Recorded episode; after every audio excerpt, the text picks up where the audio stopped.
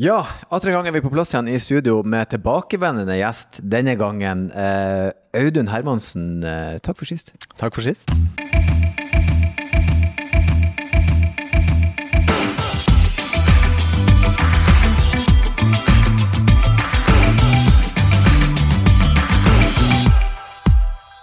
Ja, eh, kommunikasjonsdirektør i Mercedes-Benz. Og eh, vi har fått deg på besøk denne gangen for å snakke om eh, Altså, vi har tidligere hatt gjester der vi har snakka om den eh, på å si, spillovereffekten du får av f.eks. motorsport inn i utstyr som settes i biler som brukes i dagligdags. Eh, vi skal spist det enda litt mer og så prøve å snakke om eh, hva har det å si for Mercedes da, som merke og markedsføring. Denne, for det brukes jo enorme ressurser på eh, motorsport og Formel 1. Så jeg håper å si, ta oss litt inn i den verden. Det, det, har jo alltid vært viktig, altså spesielt for Formel 1 sin side. Altså nå har man jo vært aktiv på, i mange motorsportgrener eh, under Mercedes-paraplyen i, i, mange år. Men hvis du, hvis du, på en måte skal spisse det til det råeste som fins i verden av motorsport, og egentlig sport generelt, så kommer du ikke utenom Formel 1. Mm. Det er en arena for eh, rike, berømte, men også for folk som liksom ordentlig er interessert i å se de råeste sjåførene i verden. Det er, det er 20 plasser på griden hvert år. Mm. Og det er ganske mange som har lyst til å få en plass i en av de bilene. Det brukes enorme summer i utvikling, så bare symbolikken i å være til stede i det selskapet er enormt viktig. Eh, det har nok vært en litt større utfordring markedsføringsmessig i Norge enn det er i utlandet, for det har en litt annen standing. Skal jeg ikke snakke noe stygt om andre motorsporter egentlig, men jeg tror nok at formel, altså motorsport i Norge kanskje i større grad forbindes med rallycross og rally enn det gjør med liksom, yachter og champagne i Monaco. Som mm. Formel 1 i mye større grad forbindes med i, i store deler av utlandet. Nå har vi fått litt drahjelp av Netflix de siste årene, riktignok. Ja. Så nå har jo både Stein fått flere seere, og jeg får et potensial til å snakke om Louis Hamilton, snakke om Mercedes og den historien som ligger bak. For det, det er jo ikke bare de som ser Formel 1 i dag, husker kanskje bare de syv siste årene hvor det har vært en ganske stor dominans, til stor glede for noen og kanskje stor frustrasjon eh, for andre. Men eh, man har en historie som strekker seg tilbake til 1800-tallet, så det er jo 1800-tallet? Ja, da, det var Hvordan så det ut når man begynte? Da, jeg noterte meg en liten ting før jeg kom inn her. fordi at eh, Løpet i, i, 1894 fra Paris til Rouen mm. det ble kalt Horseless Carriages Contest. Så det sier jo litt om hvilken standing hesten hadde den gangen. At dette var, så, ja, så dette, De måtte faktisk spesifisere at det var, dette var et eh, løp for carriages uten ja. hester. Hesteløse vogner? Ja, ja. Hesteløse vogneløp. Eh, det var riktignok en kamerat eh, hos Peugeot som vant det løpet, men det var en Daimler-motor i den bilen, så man kan jo si at det starta allerede på 1800-tallet. Mm. Og Det har jo vært en saying eh, hos Mercedes, og særlig da disse, disse bilfabrikantene som, eh, som satsa på Formel 1. Så var det jo 'win on Sunday, sell on Monday'. Mm. Og det, det, var jo sånn at eh, man kunne jo faktisk se det på salgsresultatene på mandag, hvordan det hadde gått på løpet på søndag. Så det er jo ikke noe klart Det er, det er liksom ikke bare en sånn merkevarebygging heller. Det handler rett og slett om å, å drive med ting som er salgsutløsende. Ja, uten tvil. Alle som er gamle nok til å huske uh, Petter Solberg og Subaru. Det, det, det, var så mye Subaru på den tida, og nå er det ikke det. Så det er veldig merkbart å se. Men handler det mest om altså For du får jo eh, som sagt en spillovereffekt på, på um, utviklinga. Men er det markedsføring, eller er det uh, si, utvikling? Som, hva er viktigst her? For bilfabrikantene som er involvert, så, så er det nok en, en, fin blanding mellom de to tingene. Men så har du jo store sponsorer som er inne i Formel 1 som ikke produserer noe som har med bil å gjøre, som antageligvis har regna litt på hva er denne markedsføringseffekten kontra hva vi investerer. Mm. Eh, det er jo noen som driver med noe energidrikk, eh, som bruker ja. noen kroner i Formel 1 også. De i tillegg til energidrikk, riktig det. ja. Eh, de har noen partnere da, ja. i Honda osv., men, men, men likevel. Nå tar de faktisk over motorproduksjonen også, så, så, det var jo en sannhet med modifikasjoner fra, fra neste år. Men, men likevel, da, det, det, er jo et stort marketingpotensial. Nå ut til kundene med noe som folk interesserer seg i, og som er cutting edge. fordi at både så har du en faktisk teknologioverføring, men så er det jo også noe med at når Mercedes AMG bruker x antall milliarder på Formel 1 i året, så hjelper det for salget av AMG. Eh, AMG-modeller hjelper til å selge AMG-line, som er en, mer en styling av bilene for å få de til å se litt, eh, litt tøffere ut, litt mer sporty, litt mer aggressive. Mm. Så du, har, du kan liksom regne deg gjennom hele det løpet. Nå er jeg kun en representant i Norge, så jeg sitter ikke med de tallene, men eh, it would make sense at det er sånn det foregår. Um, men, men så kommer det jo mye nyttig ut av det. Nå er jo plug-in og el er jo veldig veldig stort i Norge. Mm. Eh, og det CURSE-systemet, Kinetic Energy Recovery System, var jo en stor del av det som kom med de første plug-in-hybridene, med regenerering av energi. Eh, nå på de nye e-performance-modellene våre, så, så, kommer det også utnytte varme, eh, spillover-varmen. Mm. Man gjør det samme i elbilene, ikke sant? Med, mm. med å varme opp kupeer med spillvarme og ting og tang. Og alt dette kommer fra Formel 1, hvor man kan bruke horvelige summer på en bitte liten detalj som etter hvert kan ha et stort potensial man kanskje ikke ser eksakt der og da. Mm. Men, men, først og fremst er det hyggelig å få vist fram eh, AMG-logoer og stjerna mm. til et stort publikum på verdensbasis. Mm. Og så brukes jo motorsport også som litt sånn type hospitality, ta med gjester, kunder. Altså, det handler jo om å på en måte gi dem en liten smak av den glamouren da, som, som, følger uh, Formel 1. Og så har man jo sett at uh, man jo også har satsa på Formel E og på, på andre, uh, andre, motorsport. Altså, Mercedes var jo store i DTM i, i mange, mange år, så, så motorsport og Mercedes hører jo veldig tett sammen.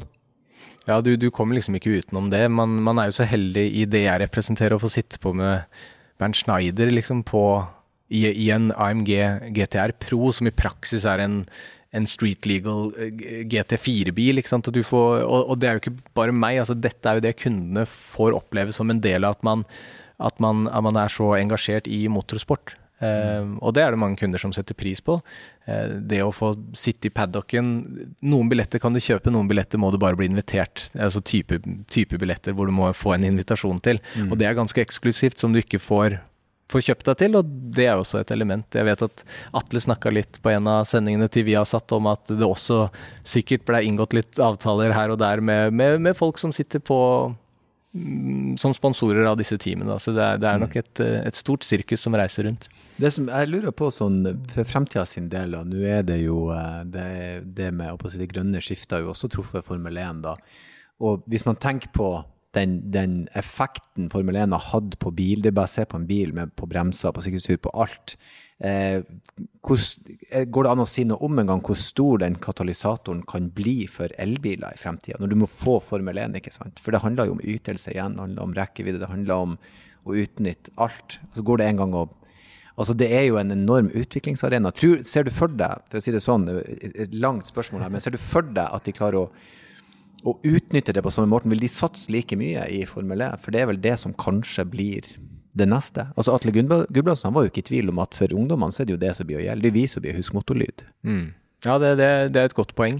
Nå kommer det et nytt motorregelverk i, i, 26, men du skal ikke se bort fra at neste gang et større motorregelverk eh, kommer, så kanskje batteriteknologien har kommet dit at man ikke trenger Jeg vet jo de første sesongene av Formel E så bytta du jo bil fordi batterikapasiteten ikke holdt gjennom et helt løp. Løpene er jo kortere enn det er i Formel 1. Men hvis kraft, ytelse, rekkevidde er on par, så er det jo strengt tatt racingen folk vil se, tror jeg, da. Selv om jeg også er gammel nok til å sette pris på, på lyd. Eh, Stein sikkert enda mer lyd tilbake til når når det virkelig skreik høyt. Men, eh, men, eh, men, det tror jeg dere har helt rett i, som dere har diskutert på, på podkasten her tidligere også, at det, det, god racing vil trumfe lyd, det er jeg helt sikker på. Mm. Samtidig så er det klart at uh Formel 1 har alltid vært the pinnacle of motorsport. Det skal liksom være det ypperste.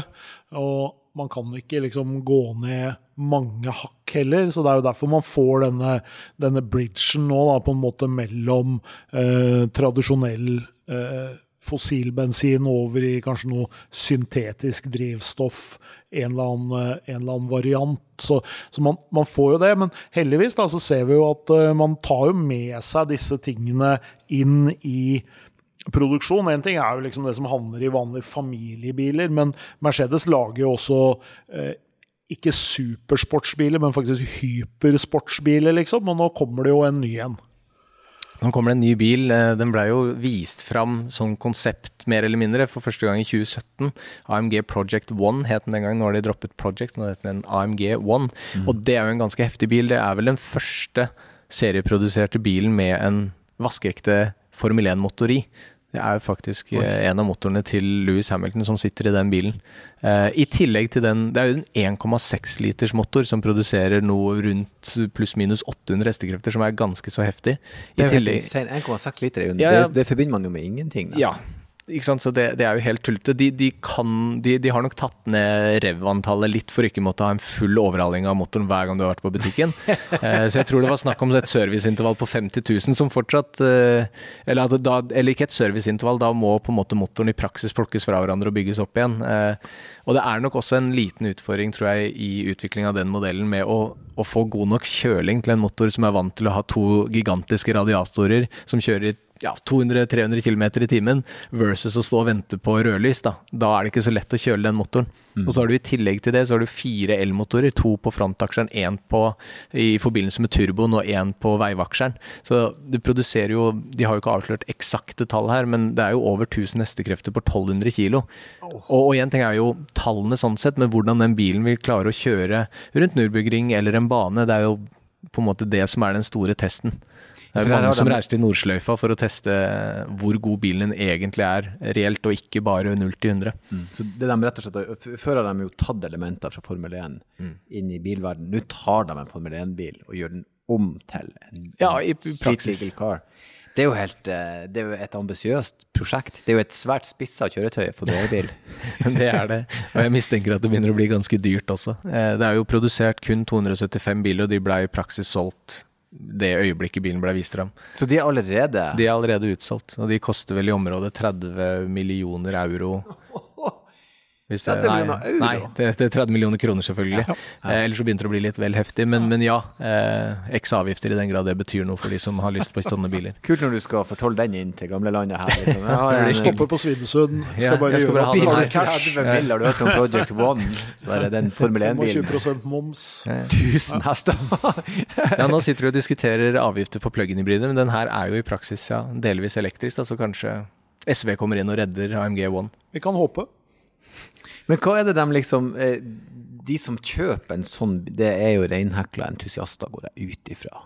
Ja. Du, valget står jo ikke mellom en eh, Kia EV6 eller en Nei, jeg, jeg liksom. tror nok nesten det er hakk over det også. Ja, jeg jeg, jeg tipper det er noen som er litt sånn semi-håndplukka. Jeg tipper at jo, du har nok rett, for du har nok de som har vært entusiaster og kanskje lagt igjen noen kroner hos produsenten over tid. Mm. Eh, det er ikke bare bare å gå inn hos eh, Bjerke og kjøpe en eksklusiv sjelden klokke heller. Da bør du ha kjøpt et par klokker der før, så jeg tror det Ja. fungerer på den måten der også. Ja, det er litt sånn. Er Du nok, skal helst ha eh, noen Du bør nok både være en rendyrket milliardær og en rendyrket entusiast på en Ja, gang. det tror jeg Hvis du har den kombinasjonen, perfekt. Men eh, hva de ønsker, tror du liksom å oppnå med Jeg vet ikke om jeg skal kalle det et stunt, da. For det er jo det det er. Men hva er det du tror som blir effekten av det? Kommer vi til å se elementer fra Project One i andre biler lenger ned på linja? Typ styling, typ teknologien? Ja, ja. Alltid inspirert liksom designmessig av det, men, men også teknologi. Vi, vi har to det er én bil til som faktisk er i salg i Norge i dag, som, som kommer til våren neste år, som har den samme MGUH, da, altså at du utnytter eh, spillvarmen til å drive turboene og en elmotor i forbindelse med det. Så, så nå har vi både MGUK og og H, så, så, som ligger i disse Formel 1-bilene som allerede finnes på veien i dag. Og så er det sikkert et drøss av andre små og store ting. Batteriteknologien er jo henta rett derfra. Eh, rett før jeg kom på besøk her, så satt jeg og hørte podkasten deres eh, som, som handla mye om teknologi. Eh, og et av elementene der var jo, eh, var jo der dere snakka om eh, Um, snakka mye, om- mye om de samme tingene, så, um, så, så det er helt klart mange elementer som blir med, som, eh, som blir med videre. Ja, det er, det er veldig spennende. eh, Den, den, men hele den, den motorsportbiten av det er noe, noe helt eget. Den, og jeg kjenner jo på den kredibiliteten. Jeg så jo en, en, bare en, en AMG GT, og det AMG-navnet spesielt er jo sånn Sånn wow. Sant? Eh, Når jeg vokste opp, så var det liksom Det var jo M-klassen og AMG, liksom. Det var jo de to som var, på en måte. Og hvis det var sånn shit, det er den AMG du har, så eh, Og ofte var det jo bare felger og skjørt, liksom. Men det var fremdeles nok til at alle måtte se på. Så det har jo en enorm sånn Erlend vurderer å selge en nyre nå for å kjøpe seg en eh, AMG GT, så Ja, den så jeg live for to dager siden. AMG GT-en. Herregud, for en vakker bil. Bare luftinntakene på sida, de rillene der var jo jeg bare, Dette hva skal du med to nyrer, egentlig? Ja. ja, jeg drikker jo ikke alkohol, sånn at jeg klarer meg jo fint uten. Jeg må bare sjekke hva jeg kan få på det svarte markedet. Men det var en deilig bil, altså. Ja, for jeg, jeg tror nok markedsføringspotensialet, eller i hvert fall bare relevansen for det norske markedet, ligger nok i mye større grad hos AMG som brand enn de gjør liksom i Formel 1 isolert sett. Mm. Men Formel 1 har jo en god påvirkning på de andre. Men så har du jo også uh, eh, GT-racingen. ikke sant? Du har GT3-serien hvor Mercedes gjør det veldig godt. Ble jo verdensmestere uh, nå, eller ble champions nå i, i 2021. Mm. Og der har du jo AMG GT Black Series, som ja. i praksis er egentlig en enda råere bil enn GT3-bilen i, i, enkelte områder. da. Mm. Rett og slett fordi at de har regelverk på hvor, hvor kraftig motoren og sånn kan være. Eh, så, så, der ser du jo, det er jo i praksis en GT3-bil som du får lov å kjøre på veien. Mm. Og det samme med GTR Pro osv. osv. Og, og der har du kanskje litt av den følelsen som du beskrev nå. da. Mm. At du får den godfølelsen når du ser de bilene. Kanskje du ikke har råd til bilen eksakt nå, men kanskje du kan kjøpe en AMG A35, da. Og neste gang det, og neste gang det, osv. Så, videre, så har du i hvert fall en hele lineupen og verdien. En dag. En dag. En dag. Du, eh, eh, igjen, det er eh, hyggelig at du kommer innom og gir oss litt innsikt i den verden der. Det er jo, eh, og dette er jo ikke noe bare Mercedes gjør, det er noe alle gjør, så det har jo en helt åpenbar effekt. Og jeg bruker liksom, Når folk sier sånn, hvorfor kjører folk rundt i ring etter hverandre, så er det sånn jo, vi har fått airbag, vi har fått bedre bremser, vi har fått renere teknologi. Vi skal være glad det finnes folk som gidder å kjøre rundt i ring etter hverandre, og at Mercedes bruker så enorme summer på det. For på en eller annen måte så gjør det hverdagen faktisk tryggere må sies. Så eh, ja, vi, vi, vi gleder oss over det. Håper det fortsetter. Takk for besøket, mann. Takk selv. Og så eh, kommer vi antageligvis eh, sikkert til å hente deg inn igjen ved behov. Og som alltid, folkens, dere som hører på, er det ting dere lurer på, eh, send inn spørsmål, eh, kommentarer, hva som helst, til bakrattet.bos.no, og så tar vi tak i det. Og eh, som jeg sa sist gang, så sier jeg igjen takk for besøket, og kjør forsiktig.